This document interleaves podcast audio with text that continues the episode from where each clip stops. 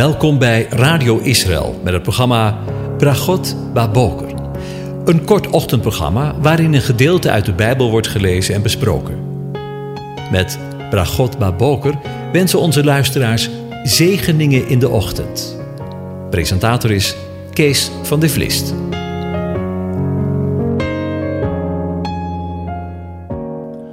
Goedemorgen, Bokatov, beste luisteraars. Vanmorgen denken we weer verder na over Psalm 40.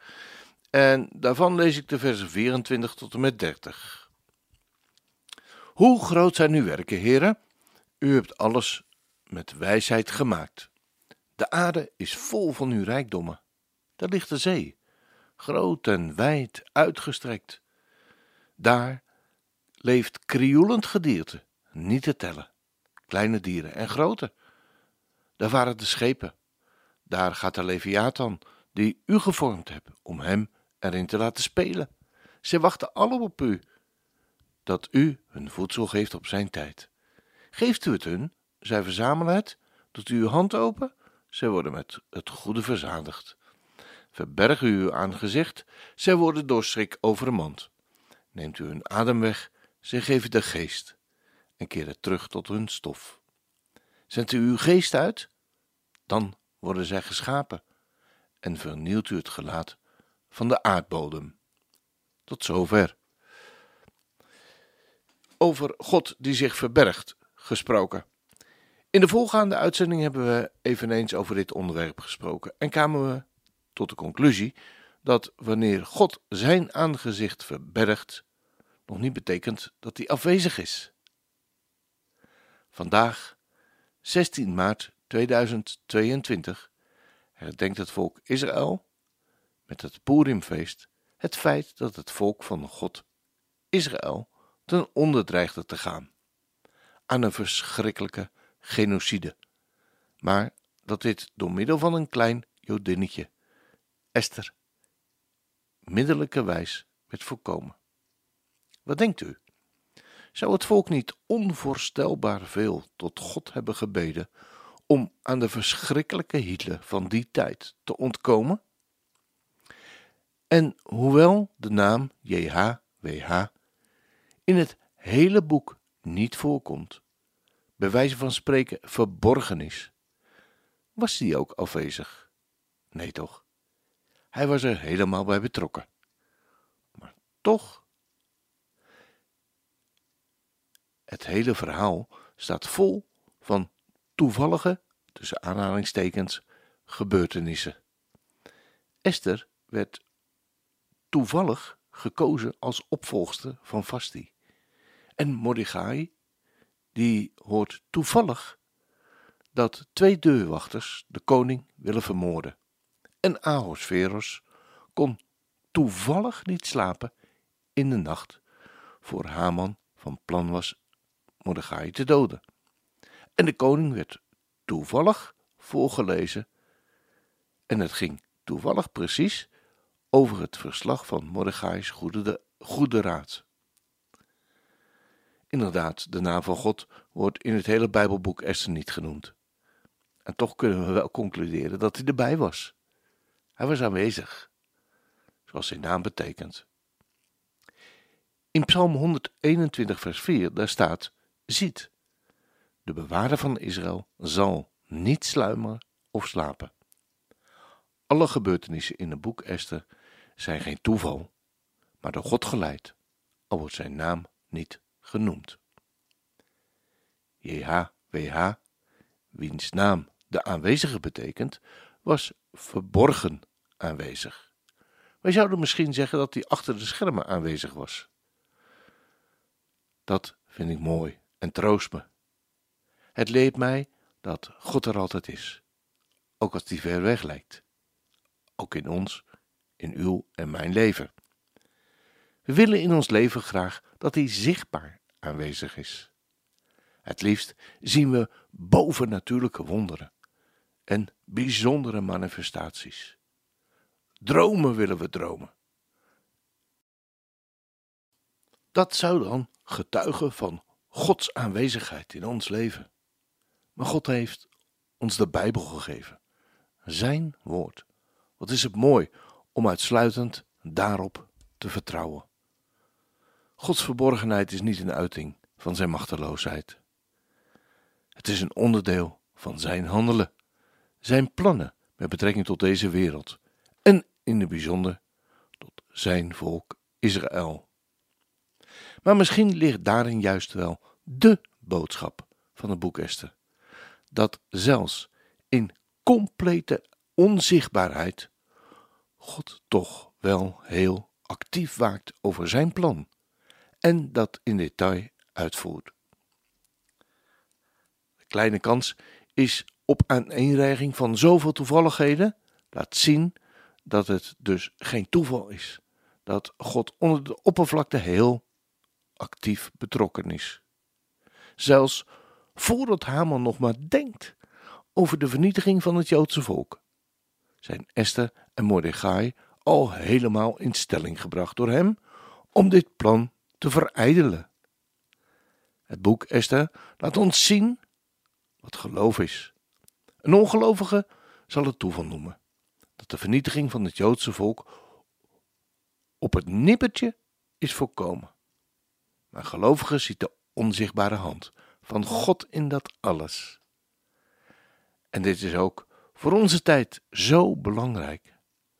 Als christenen moeten we niet te veel bezig zijn met de vernietigingsplannen van de duivel in deze wereld. Het is veel belangrijker wat Gods plannen zijn, omdat die hoe dan ook in vervulling zullen gaan, juist als ze totaal lijken te mislukken. En omgekeerd.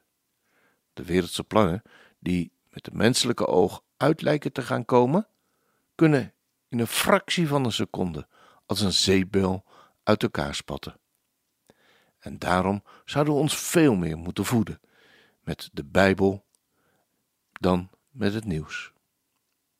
Wat ook belangrijk is, is om bereid te zijn je plaats in te nemen in Gods plan, ook als het gevaarlijk is. Mordechai drukte het Esther op het hart. Als jij zal zwijgen, zal er op een andere manier verlossing komen. Maar wie weet of niet juist jij voor een tijd als deze hier bent geplaatst. Zo lezen we in Esther 4, vers 14. Ja, als je het zo ziet, dat God zelf in die omstandigheden heeft geplaatst, wordt alles anders. Dan wordt de moeilijke weg een eervolle weg. Dan is niet meer mijn eigen kracht belangrijk, want Hij is aan het werk. En er is geen onzekerheid meer over de toekomst. Heer, laat mijn moedeloosheid plaatsmaken voor nieuwe levenslust, omdat uw plan vaststaat.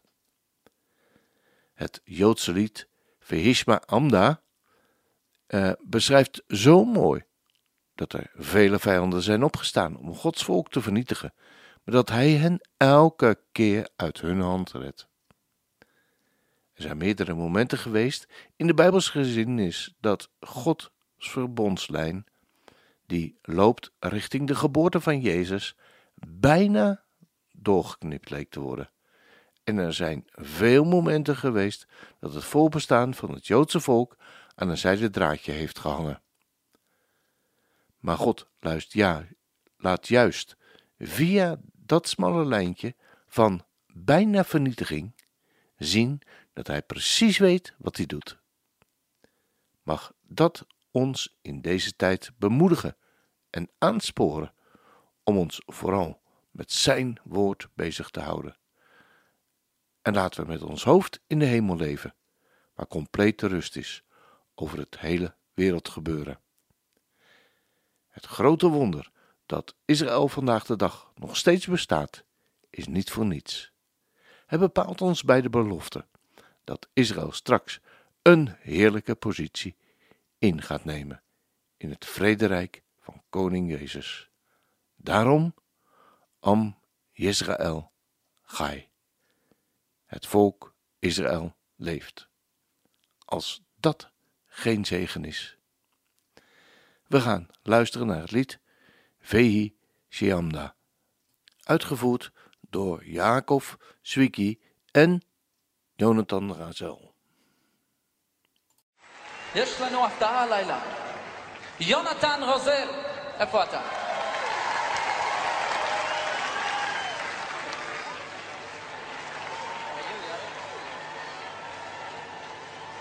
אז ערב טוב לכולם, באמת זה אירוע מאוד מרגש, גם בזמן מאוד מרגש. והשיר הזה, מילים מתוך ההגדה של פסח,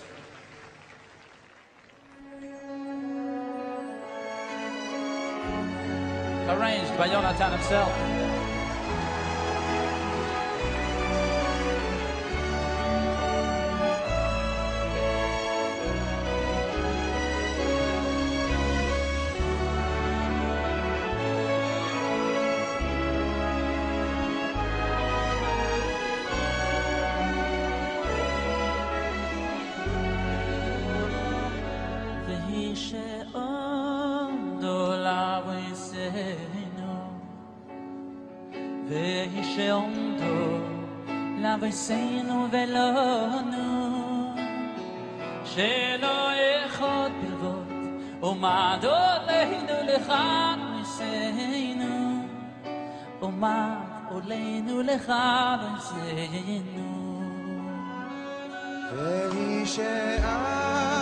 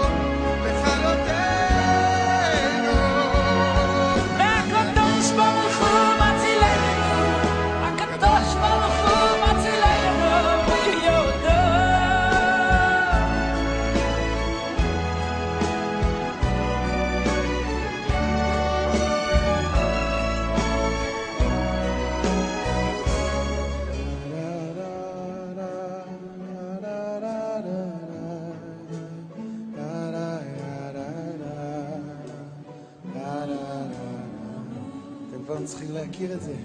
לה לה לה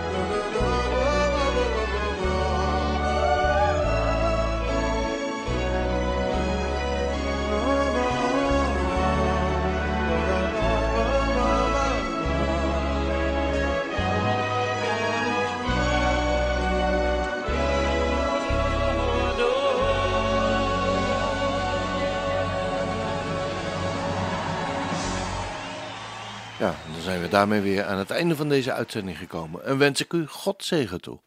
De Heer zegene en hij behoedt u. De Heer doet zijn aangezicht over u lichten en is u genadig. De Heer verheft zijn aangezicht over je en geeft je zijn vrede, zijn shalom. Amen.